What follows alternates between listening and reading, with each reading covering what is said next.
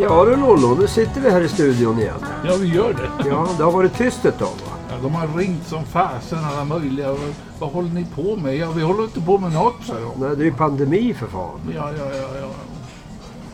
Jag tänkte vi skulle ta hit någon kul kille. Någon riktig rackars rysare. Ja, jag har ju släppt hit eh, en legendar.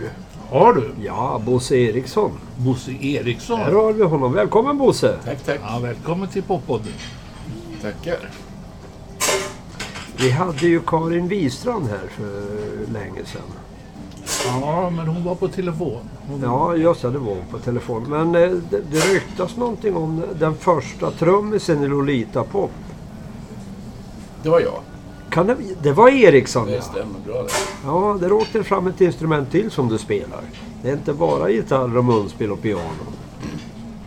Nej, jag spelade ju trummor i ett band som hette Arnolds Länk. Det var nog det första band, ett av de första band jag var med i.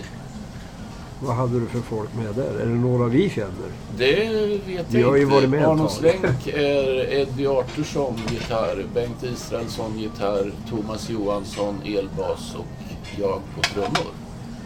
Eh, sen har det varit lite andra med till och från, men det är väl grunden kan man säga. Vilket årtal pratar vi om då när du startade det? 1974, det var inte jag som startade men jag, jag började spela kongas där och sen visade det sig att trummisen var inte så flyhänt utan vi bytte så att jag tog över trummorna och han spelade kongas. Och då var det bättre? Eh, De, Alltså, ledar, ledarskapet tyckte så. Så då, fick, då fick det så bli. Du är så försiktig Bosse.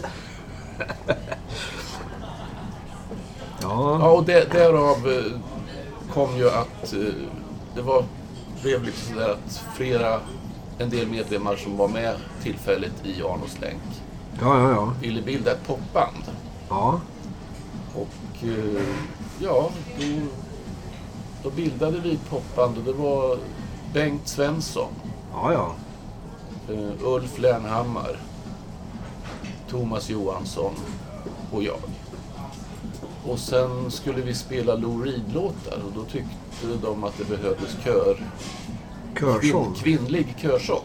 Jaha. Så då blev det med Kristina Enerholm och Karin Wistrand.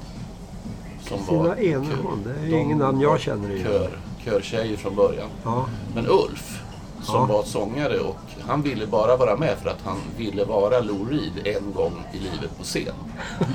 Sen, sen lämnade han bandet och då vart ju När han tjej- hade gjort sin Lou Reed. Ja, precis. Då fick ju tjejerna ta över, så att Okej. säga. Men, men du Bosse, grejen var väl den i att ni översatte till svenska? Ja. Lou Ja, ja visst. Det var, allt var översatt. Det var lite Lou Reed, det var lite television, det var en hel del egna låtar som Thomas skrev texter till.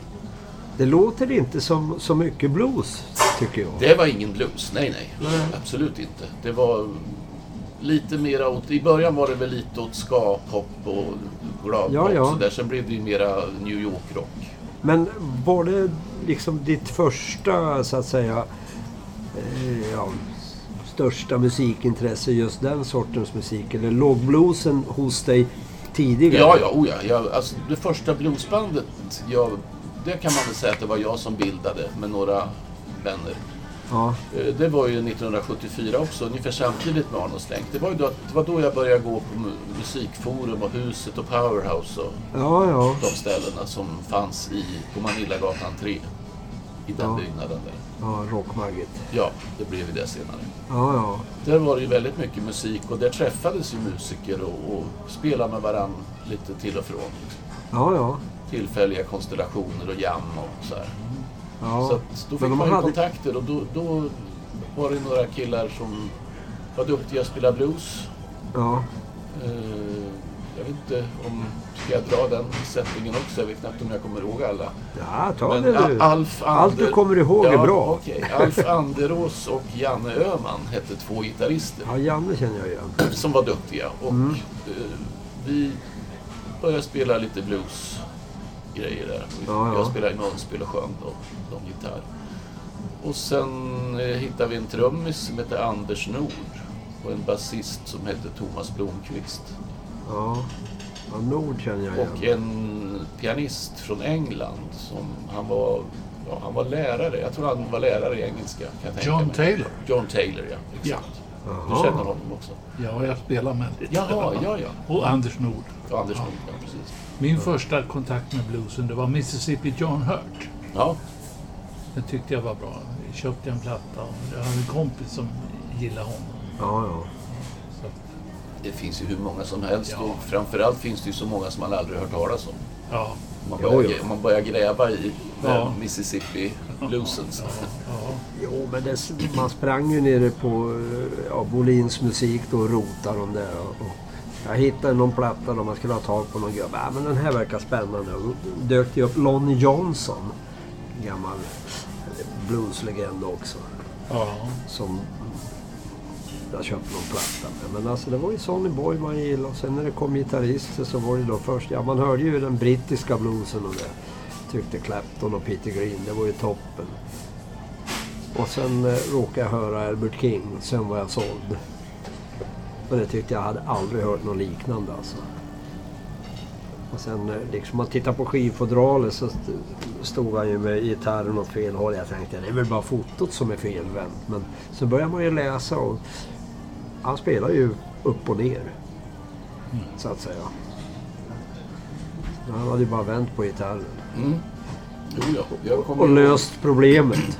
Första vänsterhänte gitarrist jag träffade var ju Lennart i, i Tivoli. Ja, ja, ja. ja. Han spelar ju vänsterstränget. Mm. Så att säga. Ja, Jag, känner, jag känner en till som är vänsterhänt. Det är han. Ja, ja. ja. Fast han jag, spelar höger. Jag spelar höger. Ja. ja, men det beror på att morsan hade gitarren och så skulle hon spela ibland och då fick jag sitta där och skifta strängar. Ja. Till slut tröttnade jag. Ja. Ja. Och då tänkte jag, nej, jag får väl lida. Och det gör jag fortfarande. Första gången jag såg eh, Bosse Eriksson, det var på en inspelning på gamla eh, Hamnmagasinet där på eh, Hamplan. Rockmagget ja. Rockmagget, Ja, ja, du, du, vi pratar om Manilagatan 3 fortfarande. Jag tror ja. det. Ja. Och då var på, jag jobbade på Sveriges Radio då, eller lokalradio. Och då hade jag en arbetskollega som hette Ville Loiske. Hörru du Hasse, som jag så åker till Karlstad. Vad ska jag göra där? Jag ska hämta en åttakanalsbandspelare. Ja. Vi ska spela in ett rockband ikväll. Ja. Och han åkte till Karlstad och hämtade den där. Och sen så var vi riggade med massa lösa mixrar och grejer. Och eh, fick väl fart på det där till slut. Och där satt du på trummor med Lolita Pop. Ja, ja. Fast då var det två tjejer som sjöng. Det var ja, Karin- det är ju det jag säger. ja, ja, Kristina Enerholm och Karin ja, ja, Nystrand. ja, ja. Skulle bara testa att du var med. Mm. Ja. Det stämmer. Jaha, vad var det? Det var alltså... Det måste ha varit då typ 79, 80 någonting. Vi bildade bandet 79 och jag var väl med till 80 eller 81. ja, det måste vara i det Var det intervallet. något mer band som spelade samtidigt den gången? Jag har ingen minne av. Nej. Nej. Nej. För att jag vet ju att vi spelar förband till ett engelskt band som heter Belts and Braces. Jaha. Eh, Och det kan jag tänka mig var, det var en lite stor grej så att då kanske det var radioinspelning tänkte jag. Men då var det inte så. Så då var det någon annan gång. Eller också spolade vi den och bara, vi spelar bara in Lolita. vet. Jaha, ja, ja. Nej men då var det väl bara Lolita för det var de Ja, ni var som, väl de, bäst de antagligen. andra var ju huvudattraktionen så att det borde väl... Men ni var väl bäst? Det var väl därför? Ja. Ja, men vi var kanske ganska bra, jag minns inte. Ärligt talat exakt hur det lät. Men det var ju, vi var ju populära, våldsamt populära. Ja. Men spelar du trummor hela tiden där? Eller? Hela tiden. Ja, Ja, i inte, Lolita, inte eller- mellan låtarna men... Nej men alltså... nu är han lite rolig här Bosse. Från inslag till avslag Ja. säga, så trummar jag väl. Ja, ja, men alltså att du böt sen då liksom att det kom in någon annan trumsor och spelade munspel. Ja, ja, ja min, min idol på trummor kom in och tog över efter mig. Peter Olsen Peter Olsen, ja visst. Han var ju en förebild. Han Ja. spelar ju med Det är ingen dålig förebild. Obrunte och Ja. massa och jazzgrejer. Och... Ja, Jo, jag kommer ihåg en låt ni körde. Elak. Elak ja. Ja. Vicious. Ja, Ja. du ser, jag har några min eh, hjärnceller kvar. var det, är det Lou Reed-översättning? Det är Lou Det är Lou Reed-översättning. Reed. Ja, det måste vi väl kanske förtydliga. Ja, ja, vad bra. Men var du med på någon skivinspelning med Lolita? Nej, det var jag inte. Det hann du inte. Det var, vi, ja, vi spelade väl in grejer men det var nog inget som kom på någon skiva. Vi spelade men- ju, alltså Bengt var ju, han spelade in mycket och Ja, han var väldigt duktig musikproducent också. ja, ja. Bengt Svensson. Ja. Ja. Så vi spelade väl in grejer där som vi höll på och gjorde men ingenting som blev någonting av liksom. Nej. Men tog inte han över trummorna sen i, i Lolita senare? Eller var det någon annan i bandet som... Peter Olsen började spela trummor efter mig. Ja, men sen slutade jag. Sen slutade han och då tog ju saxofonisten över trummorna. Per Eriksson. Okej, så var det ja. Och sen blev han kvar där. Ja, ja, De skippade ju saxen sen. ja, ja. Men sen. Var du med från början kan man säga med Lolita? Ja, ja, visst. Det var ju, jag, jag glömde Per. Därför att han inte Ja. spelar trummor. Men han spelar ju sax. Så han var ju också med och bildade bandet. De här som jag nämnde förut. Ja. Det var ju vi som bildade bandet tillsammans. Och var, så var det ju Per också. Som spelade tenorsax eller altsax eller båda. Jag minns inte. Hur kom ni ihop? Var Han hade en plastsax också kommer jag ihåg. Och den var en alt. Men jag tror han hade en tenor också. Men det, det får vara osagt. Ja, ja, ja. Hur började det? Var ni något kompisgäng eller som kände varandra, bodde på samma ställe? Eh, nej, alltså vi träffades där nere på, på Manillagatan och, och började jamma lite sådär ihop. Ja, Det var ju mycket musik där. ja. Och så tyckte ni att det här måste vi göra ett band av.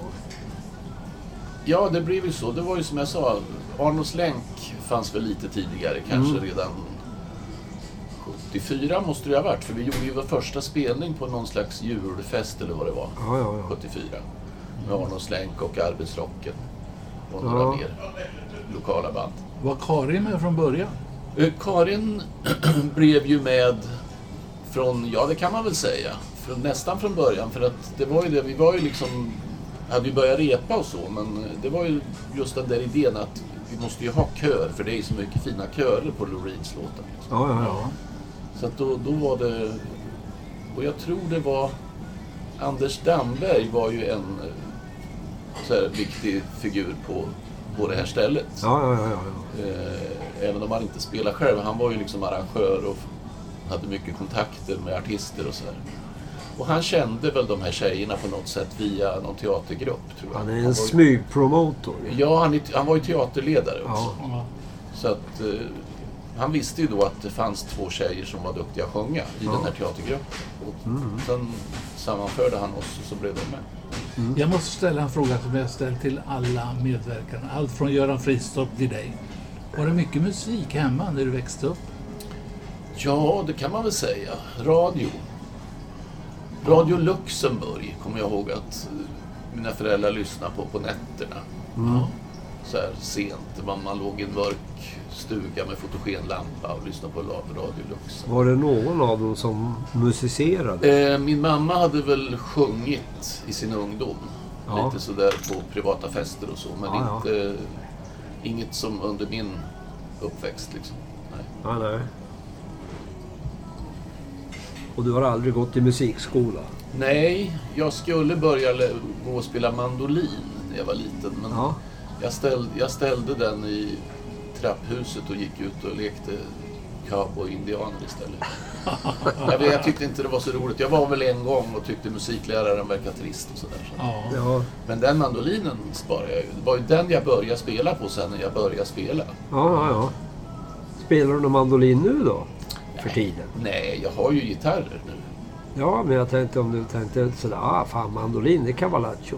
Den är sprucken och gammal, men den är, den är mer en souvenir. Ja. Man säger så. Till och med vår kära bekanting Johnny Winter spelade ju mandolin. Okej. Ja, på eh, Second Winter-plattan så lirade jag mandolin på någon låt. Jag, trass, jag trasslade mig igenom något, någon bok som heter Axéns mandolinskola. kommer jag ihåg. så, hade, det hade vi som läro. Ja, ja. Men det vart inte, jag var inte, långvarig där. Du har bara stora mandoliner nu. Ja, Ja, Då hade nog jag den boken också skulle jag tänka. ja.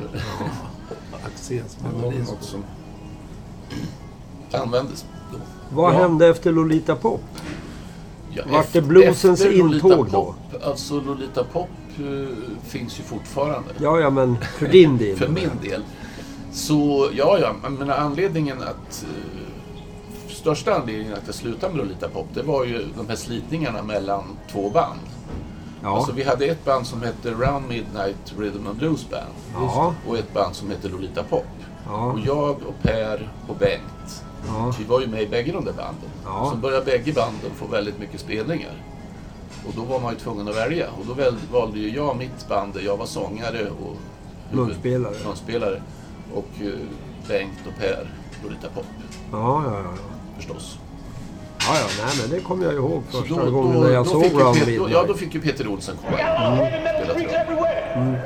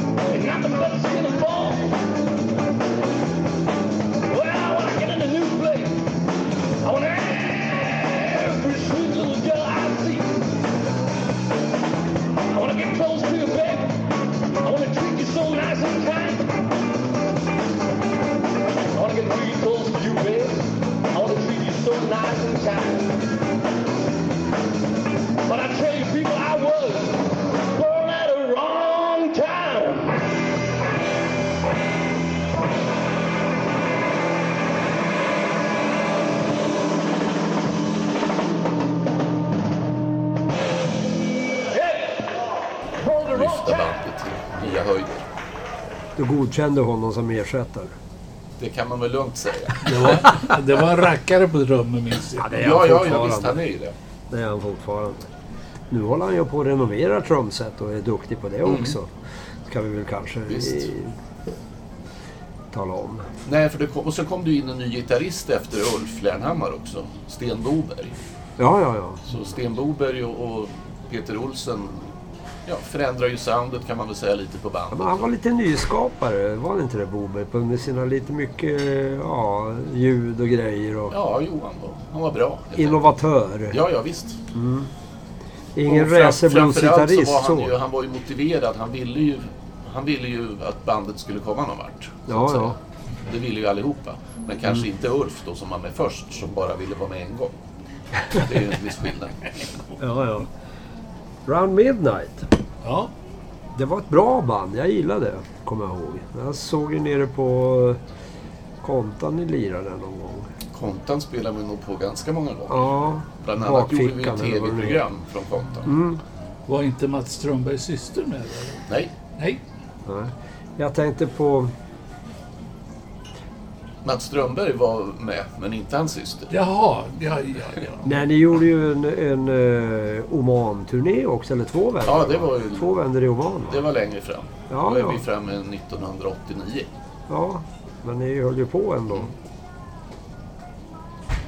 Jo, Ja, det var ju, det var ju en stor grej. Alltså det, det började ju med att vi fick spelningar på en pub i Stockholm som heter Ängelen, i Ja, Gamla ja. stan. Och där spelar vi minst en vecka per år. Man spelar veckovis där, alltså Mm. var husband kan man säga. Eh, Och minst en vecka per år så var vi där och spelade. Ja, ja. Och eh, något var kanske till och med sista gången vi var där, eller någon av de sista gångerna, för det var 89 i alla fall. Då träffade vi en, eller 88 var det väl? 88 var det, för att vi träffade ju då en kille, en fransman, som dök upp i logen efter gigget och började prata om hur bra han tyckte vi var och fråga om vi ville ha gig på hans hotell i Oman. Ja, som vi ja. knappt visste var det låg. Nej, nej. Eller jag visste var det låg, men det var inte många som hade, Hade koll på det. Nej. Eh, Jag hade läst om Oman för att Tor Heyerdahl var i alla fall i närheten av Oman i någon, eh, någon reseskildring när han åker på någon flotte där utanför Ja, ja. Persiska viken. Eh, Så att, eh, ja det lät ju lite sådär, ja ni förstår, man tror inte att Ska jag det, tro att på det ska eller ska jag inte tro Nej, på det? precis. Utan, men det låter ju trevligt, så visst, vi utbytte kontaktuppgifter och sådär och började hålla kontakt med den här killen. Då. Ja, ja. Och det slutade med att vi fick eh, kontrakt skickade och fick fixa visum och såna här grejer. Ja, ja, ja. Åka ner där och spela. Två månader var det väl första vändan. Oj, Ja, ja. oj. Och där var man husband då på ett hotell. Eh, och körde ni, körde ni helkvällar då eller? Det kan vara kul att... Ja, ja liksom, tre, tre set per kväll Ja, ja. och eh, alla kvällar utom fredag. Mm. Så det var, det var träningsläger och väldigt roligt kan jag säga. Häftig och väldigt, upplevelse, väldigt eller hur? lärorikt. Alltså man fick ju rutin. Ja, men häftig upplevelse. Ja. Otroligt. Ja, ja. Man, man tror inte det är sant. Alltså. Nej, nej, nu känns det ju Ja, inte ja. speciellt troligt att man skulle få sådana gig. Det gjorde du inte då heller menar jag.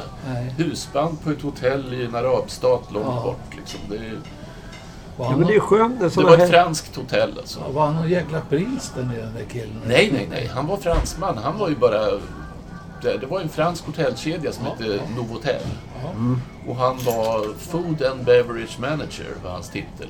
Ja, ja, ja. Eh, Så han skötte liksom restaurangdelen där och så tyckte han att han skulle ta dit lite underhållning. Eller det hade de ju haft tidigare. De Ja, hade ja. ju band från Filippinerna och England hade ju spelat där. Ja, ja, ja. Eh, Och så var det väl så att de, han hörde oss och tyckte att vi skulle passa in helt enkelt. Ja, ja. Så måste det ha varit. Lirar du trummor då eller? Nej, nej, det var ju... Det här, sång. det här är alltså Round Midnight Rhythm and Blues Band. Ja, ja. Munspel och sång. Med munspel God och sång. Ja, och gitarr. Ja. Men det var väl mest munspel va? Var det inte? Eh, Ja, ungefär 50-50. Ja, ja. Olika, olika låtar. Vad hade ni för gubbar med där då? Ålkärr var med vet jag på. Ålkärr och jag kan man väl säga var de som bildade bandet tillsammans med eh, två killar från Kumla. eh, en duktig basist som heter Rolle Larsson Ja. och en duktig trumslagare som heter Lars Hornberg. Ja, just det. De båda hade ju något band, jag tror de spelade med... Ja, det ska vara osagt vilka det var mer än dem. Men de hade något hårdrockband typ i Kumla Ja, ja. i alla fall. Kan ha varit Peter Fransén, men jag är inte Ja. helt hundra. Mm, på gitarr där. De var Ja, ja. liksom lite Hendrix, åt Hendrix-hållet kan man säga. Eh, Och vi hörde ju de där killarna och tyckte att de var väldigt... Jag och Bengt satt där i kaféet liksom och... Ja, där ungdomarna från Kumla, de är duktiga. De där snor vi. Ja, och sen hörde vi, och den där gitarristen, vad är det för en liksom? Det var, och det var ett band som, vad hette de? De hette... Något tjejnamn. Ah, låt vara osagt, jag har glömt. Från Ja. Kumla eller? Nej, inte alls Nej, Kumla. Nej, nu pratar jag pratar om Det är två olika band. Jag pratar om hur jag lärde känna de här Kumla-killarna Ja, ja. och hur jag lärde känna Pelle Olskär. Ja. Och Pelle Olskär hörde jag alltså spela ja, jättebra bluesgitarr genom väggen, så att säga. Ja, ja. När han stod och repade med något band. Mm. Men jag har glömt vad de hette. Men det var alltså det som blev Round Midnight, kan man säga. Ja. Den, det var första basisten eh, och trummis. Rolle är en bra basist. Larsson. Ja, ja. Nej, men Rolle Larsson var inte med. Han var inte först. först, det är det jag menar. Nej, nej, Alltså nej. Pelle Årkjär hade ett, ett band Ja. som hette något som jag har glömt. Ja. Nu kommer jag på vad de hette. De hette Theresia Moon. Ja. Theresia Moon. De killarna var liksom första ursprunget till Round Midnight. Ja. Och det var en basist och en gitarrist. Okej. Men sen eh, behövde vi lite fler. Och basisten hoppade av. Mm. Ja. Så, där, så det, det slutade ju med att det blev Lasse och Rolle på bas och trummor. Ja. Och jag och Pelle. Ja, ja. Och eh, Bengt Svensson och Per på gitarr och eh, saxofon. Var ju med också från början. Nirving var han med i. Eh, inte då. Inte då, För men han var med eh, sen va? det- Alltså det blev vid den här schismen så att säga. När Ja. Lolita Pop gick åt ett håll och Round Midnight gick åt ett annat håll. Ja. Med olika medlemmar. Då var vi tvungna att hitta nya blåsare efter Per.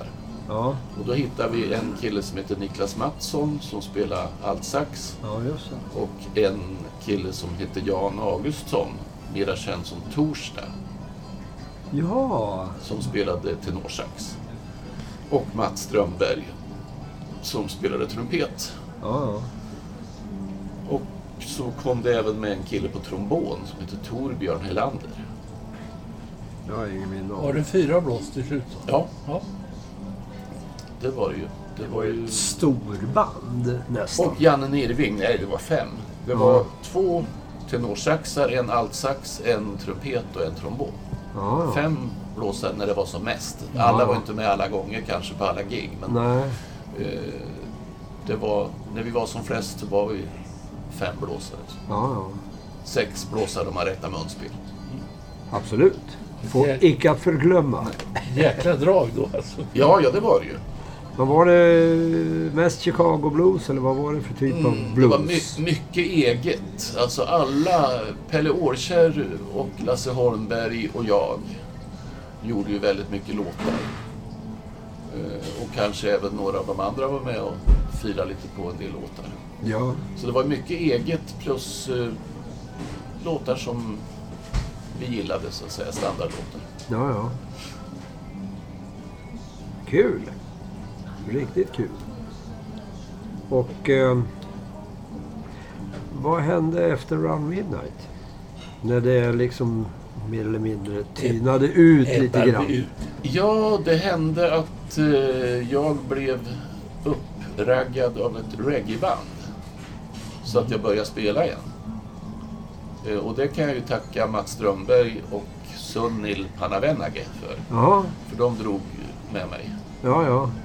Eh, och då började jag spela bas med ett band Ja, som eh, blev Bush Doctors. Ja, just ja. Bush Doctors. Mm.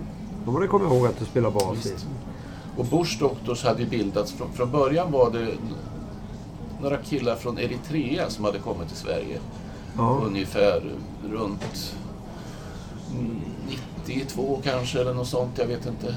Men jag skulle gissa det. Ja, och de bildade det här bandet och fast egentligen det var ju inga av dem som var direkt musiker. Utan de var ju mer glada killar som gillar reggae. Och sen hade de en, en sångare fan, som var väldigt, en sångare som var väldigt duktig. Ja. Som hette Mike Kobrum.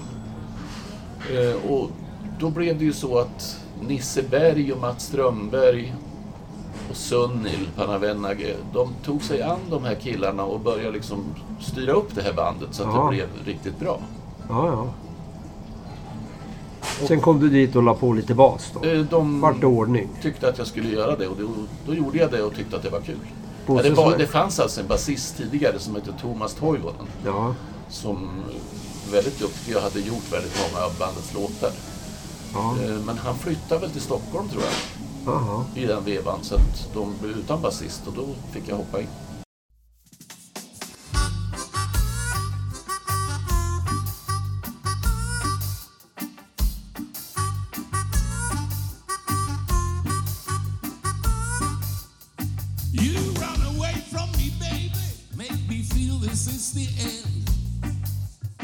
You run away from me, baby. Make me feel this is the end.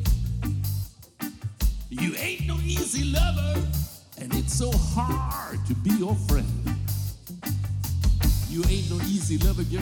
You run away and turn your back on me. Every time I try to tell you, tell you what I really need. You ain't no easy lover, the way you turn your back on me. You've been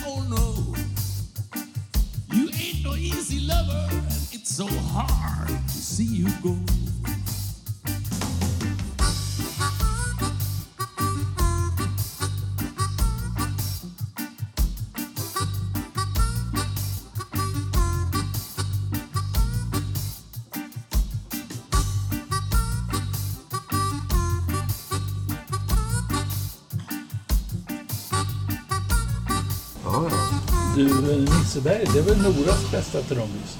Det skulle jag tro. Ja.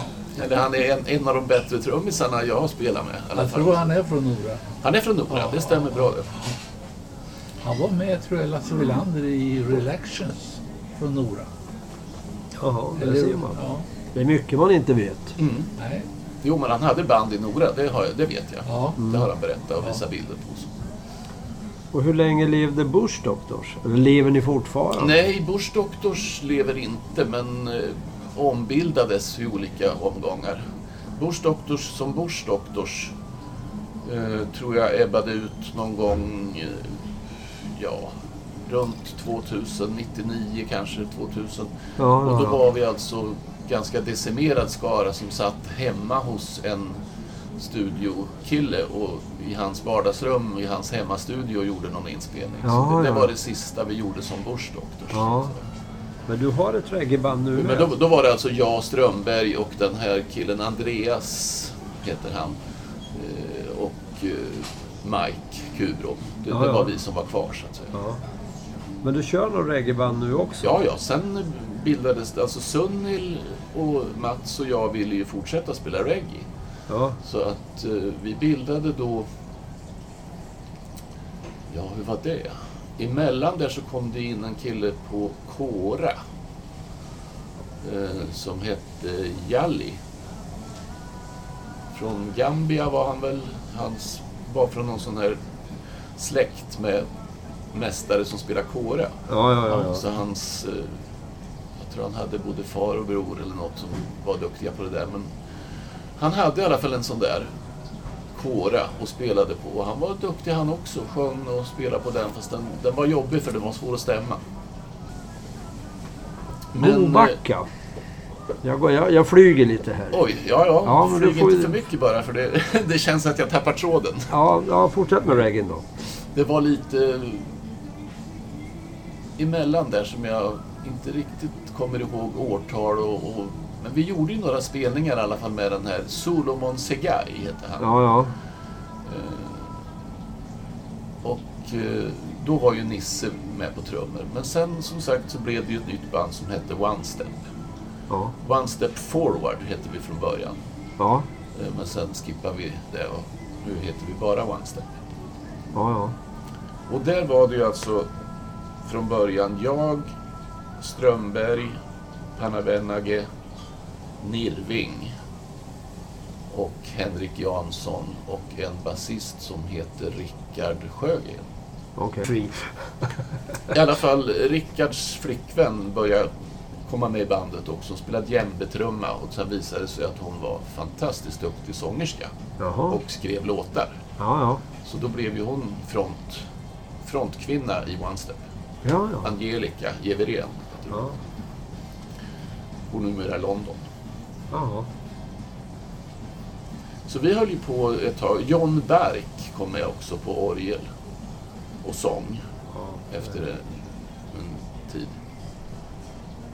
Och han är fortfarande väldigt aktiv Ja, ja. med, inom reggae och pop-svänget. Ja, okej. Eh, ja, Ja, så det, det var den sättningen med Angelica och eh, som jag sa då Rickard. De var ju väldigt eh, driftiga ja. eh, på många sätt. Att skriva låtar och så här. Och hålla bandet. Sen försvann de ut på andra äventyr. Ja, hon flyttade ju. Ja, Hon fick ju börja, fick väl något jobb i England. Ja, som ja. gjorde att hon flyttade Och då träffade vi genom John Berk som hade kontakter uppe i Bergslagen i Hälleforstrakten. ja. Så träffade vi en eh, sångerska som heter... Eh, vad heter hon nu igen? Rinaldo. Peter Rinaldo är hennes far. Jaha. Och eh, det här måste du klippa bort. Ja, ja, ja. Ja. Jag måste komma på vad hon heter. Vad Eh, heter Rinaldos dotter? Ja, precis. Kathy Rinaldo. Nej, det är en skådespelare. Nej, Men det kan det vara ja, det, det står still. Jag kommer på det sen. Ja. I alla fall så, så eh, började vi ju spela in hennes... Hon var också låtskriverska. Ja. Och eh, hennes far var ju väldigt duktig på allt som hade med bilar och transporter och sånt att göra. Så att det blev ett team kan man säga. Ja, ja. Eh, där som var ute en hel del på, på spelningar då. Ja, ja. Och så kom ju den stora grejen för One Step. Och det var ju när vi kom i kontakt med Nago Morris. le- Reggae-legend från Jamaica. Ja jag, jag har ingen aning om det. Där är jag obeläst. Där är du obeläst, okej. Ja. Men han var med i ett band som hette Heptones Det på känner jag till. 70-talet. Och eh, ja, en driftig man som har en väldig massa låtar och vill Ja. spela. Och eh, det blev ju då så att Peter och... Men, ja, det här är Jag skäms, får jag lov att säga. Nej då, det ska du inte göra. Det finns de som är mycket yngre än dig som har sämre minne än så. Ja, ja, det måste vara det. Men det är bara en sån här grej att det har fallit bort. Du har för mycket att tänka på. Jag minns ju precis allt annat runt omkring. Men just Ja, men det är bra. Jag jag, har, jag är så jag, rädd för att säga fel. Liksom. jag, har, ett- jag har ett minne som en fisk, fem sekunder. Okej. Ja, ja. Men han, han, han har varit med i alla fall och spelat Ja, i alla fall så har- Heptons-gubben. Vi fick alltså möjlighet att eh, göra en turné med honom. Ta Ja. honom till Sverige och göra en, en turné. Häftigt. Och spela in en CD Okej. som vi spelade in på Rockgymnasiet Ja, ja, ja. via Mikael Pettersson som var rockrektor på Rockgymnasiet. Jaha. Där. Så hans studio och hans son Marcus Pettersson Ja. var ju, blev ju gitarrist i One Step. Ja, ja. Eh, Ja, det är många som har varit med i One Step också. Jag har nog inte hunnit med kolla upp alla men det, Nej, nej. idag. Men eh, jag har säkert missat någon. Men i alla Ja. fall, eh, då med den sättningen med Marcus Pettersson och Rickard Sjögren, Henrik Jansson, Mats Strömberg och jag så gjorde vi ju då en eh, CD på eh, bolag Red Blue Production. Ja, ja, ja. Micke hade. Och den, är ju, den finns ju. Den finns på Ja, Spotify kul. och den skulle jag ju kunna eh, lägga lite från på ett USB. Ja, absolut. Det måste vi ha lite dokument från, Visst. från när du var en, en, en nybörjar Mm. kille inom musiken och så sen hur det har Ja, stegrats. Vi gjorde ju även studieinspelningar via, via Studiefrämjandets Ja, ja. studio med Ture på Studiefrämjandet. Ja, ja. Det är deras studiokille så att säga. Han hade ju någon egen studio där vi via Studiefrämjandet kom in och fick göra inspelningar. Men då var det med den sättningen med Cassandra Rinaldo Ja, ja. sång. Det kom det. Vad skönt, eller Ja, hur? Att och det, det- trillar ner. Ja, ja precis. Nej, men vi, vi, vi höll ju på. Åkte runt lite och hade mycket spelningar med Cassandra också. Både här i stan och jag minns en bra spelning var ju på högskolan. Kår, nya kårhuset på högskolan. Ja, ja. Där var det, va, spelade vi in och Ja. filmade. Hennes far Peter Rinaldo är ju dokumentärfilmare ja. till yrket. Så att han eh, spelar ju ofta in eh, gig ja, när hans dotter var med. kul. Ja du herr Eriksson, du har, man märker här, du har hunnit med en hel del under de här åren. va? Nu kan vi ta din. Du hade någon fråga. kul, Du hade någon fråga förut där, Jo, nej men vi har ju inte hunnit med som gick händelserna det, i man, förväg. det, man, man, det man har för, för liksom förknippar det mest med är ju Mobacka egentligen. Okej. Ja, ja Round Midnight har jag sett det också då, liksom, då, men senare år, Mobacka. Mobacka blev Och det är ju en... ett band som har levt länge och Ja. dött lite och, och kommit tillbaks. Ja, precis. Stämmer det? Mobacka bildades väl runt 80-81 någonting av eh, Per Edlund och Sven-Olof Malmsten. Ja, ja. Eh, sen... Eh, det var väl förmodligen så att de ville ha blåsare. Ja, ja. För att Strömberg och Nirving och jag blev av någon anledning värvade till Mobacka Inhyrda? Ja, vi blev in, nej, inte inhyrda utan vi blev tillfrågade om vi ville vara med i bandet helt enkelt. Och ni sa ja. Eh, Ja, vi fick åka ut och provspela med dem i ett hönshus i Ekebyarmby. Där de Ja, ja. Jag tyckte att det var, ja, det var trevliga människor och det var ju vår, vår typ av musik. Ja, ja, visst. visst.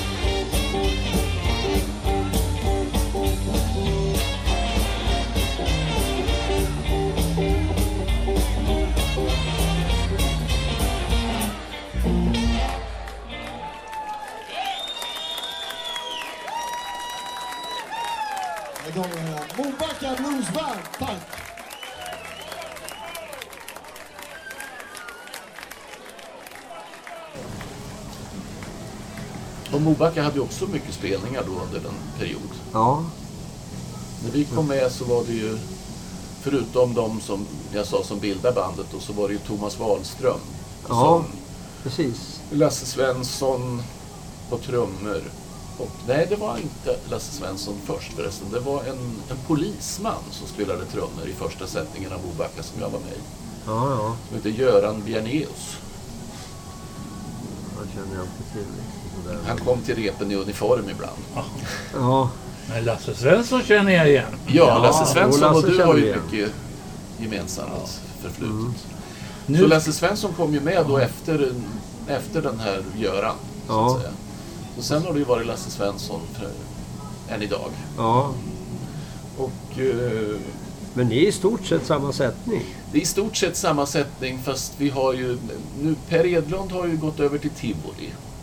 Ja, Och det är en saxofonist som heter eh, Lars... Eh, vad heter han nu igen? Lasse Väbeln kallar vi Ja, honom ja, för. ja. Eh, han eh, gick också över till Tivoli. Ja, ja. Så de två spelar nu med tiv- nya Tivoli. ja. Nirving, är han kvar? Nirving har inte spelat på några år. Han eh, la ner saxofonspelet. Han hade, lite, han hade någon elev, vet jag, saxelev. Ja, Men han ville inte spela live. Och nu tror jag inte han spelar alls. Men det vet jag inte. Det får du fråga honom. ja, ja. Nej, jag bara undrar liksom. Jag har inte... Ja, han är i alla fall inte med i Mobacka längre. Nej, nej. Eh, Och det vet jag säkert därför att han blev tillfrågad ganska nyligen. Eftersom Mm. Mobacka hade 40-års jubileum. Och då var det väl prat om att vi skulle försöka återskapa någon äldre sättning av Mobacka och Ja, göra någon inspelning. Eh, Men då vet jag att han tackade nej. Jaha. Så nu är det, på saxofon är det Mats Strömbergs syster som du nämnde förut, Ja, Lena Lena, ja. Strömberg. eh, vad ka- hon kallas? Våfflan. Våfflan, ja. Våfflan på eh, saxofon. Det är Mats på trumpet och keyboard. Det är kapellmästare Sven-Olof Malmsten på gitarr. Det är Mikael Olsson på bas. Lasse Svensson på trummor och jag på sång och munspel. Ja, ja. Det låter bra. Spelar du ingen gitarr i Mobacka alls? Nej. Det får SO sköta. Okej. Hörni pojkar, jag tänkte vi skulle sy ihop säcken här och avsluta det här lilla samtalet med Bosse. Och då ska vi avkräva dig en dräpare. Det brukar vi alltid göra i det här programmet. Eller hur Frank? Nu ser han frågande ut på sig. Vad är en dräpare? Vad är en dräpare? Ja, det- Jo, herr Eriksson. Det är ju alltså såna här... Vi musiker, vi råkar ju alltid ut för någonting lite dråpligt under spelningar eller turnéer. Till eller från turnén. Ja, hela tiden. Ja, och eh, som kan vara roliga i efterhand att berätta om. Har du någon sån där som du tycker att det här är ganska, det var ganska kul egentligen? Ja, det är väl alltid kul. Ja, skulle jag vilja säga. Nej, inte alltid, men väldigt många, väldigt många minnen och väldigt mycket konstiga grejer har ju hänt. ja Man vi vill gärna höra någon sån där konstig rolig Ja, det vill vi göra. Ja, det är svårt att säga en och det svårt att säga att om den egentligen var rolig. Ja, men du får, För en, du del får var, ta... en del saker kan vara väldigt hemska men ändå vara minnen som man aldrig glömmer. Nej, nej. Ett sånt minne var ju när vi blev överfallna av huliganer i Göteborg och de slet sönder backspeglarna på våran buss. Och vi fick slåss. Det är faktiskt enda gången i hela mitt liv som jag har varit i ett regelrätt slagsmål och slagit folk. Du menar Ja, att du hetsade upp ja, det var riktigt arg? otäckt. Ja, det var jag och Pelle Årkjell minns i alla fall. Vi, fick ju, vi var ju tvungna att slåss för att komma fram till bussen, rädda bussen, ta oss därifrån. Så att säga. Det var, det var upplopp, det var kaos, det var riktigt otäckt. Vad var det för huliganer? Ingen aning. Galningar. De hade, de hade varit inne på stället också och slagit sönder toaletterna. Det var väl det första vi upptäckte och såg att någonting var fel. Så att. Ja, ja, ja. ja. Och sen ville de ge sig på våran buss och då var det ju... Det var big no-no. Ja, precis. Det här var upptäckt. Ja. Har du någon Men annan rolig grej? roligt. Någon som är riktigt rolig? Till exempel att Lassa glömmer bastrumman eller något sånt där till någon. Nej, i Oman hände det väl mycket roliga saker också. Ja, ta någon. Som man skulle kunna... En rolig grej var ju att eh, jag och trumslagaren Lasse Holmberg gick ut en promenad i öknen. Ja. Eh, Och eh, så såg vi något hus en bit bort och tyckte att ja, men det där, vi går dit och kollar vad det är för någonting. Ja. Och så närmar vi oss och då kommer det fram en soldat med k-pist och riktar den mot oss. Och det ser väldigt farligt ut. Och då kommer vi på att, ja just ja, det där har vi hört talas Det är försvarsministeriet. Och det var ju liksom, det var ju tillträde förbjudet inom en radie där och vi var in på fel sida. Ja, ja. Eh, Så att eh, vi började då, "Oh, we are musicians, we playing at the hotel over there. Han, oh yeah, I know, Swedish band, Swedish band, sa han och tog, liksom sträckte upp på pisten och, och, bara, och bara log. Lekte gitarr med Ja, k-pisten. ungefär så.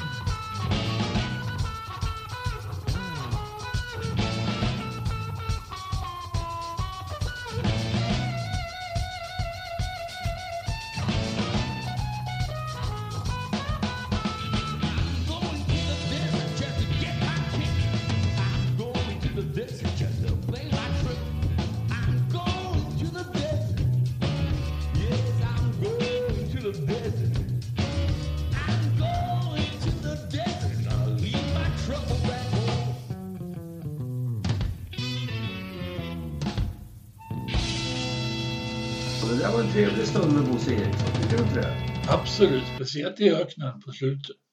Ja, ja, ja, när de bestämde sig för att beskåda sandkornen Ja, I Oman. Ja, och kom fram till någon liten... De trodde det var en godiskiosk antar jag, men det var ju en vaktkur. ja, ja, ja. Så fick man två kalasjnikov uppstuckna i näbben. ja istället för två pilsner. Ja, men det, det gick ju bra när de talade om att det var bandet som spelade, för då visade det sig att eh, vakterna var ju fans. Ja, Så då var det lite lugnare. mycket lugnt. Men jag tänkte vi skulle tala om vad det var för låtar som var med Ja, i programmet. Har ju varsågod. glömt. Ja, varsågod Frank. Då börjar vi med låt nummer ett som vi hörde. Den heter Born at a wrong time med Run Midnight. Och eh, det är Bosse Eriksson och Pelle Ålkjär som är författare till den.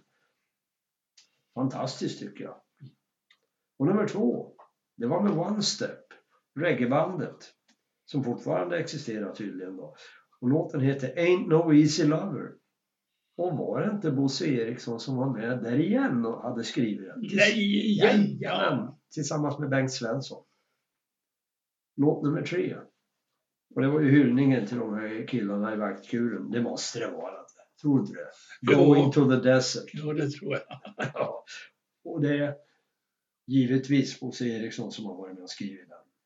Tillsammans med Lasse Holmberg som spelade trummor då i Midnight. Ja, ja. Nu har vi väl fått med allting, tror du inte det? Ja, nu börjar på bli trött. Ska vi gå hem och lägga oss, tycker du? Ja, det gör vi. Ja, det gör vi. Blues på er allihopa. Blues boy.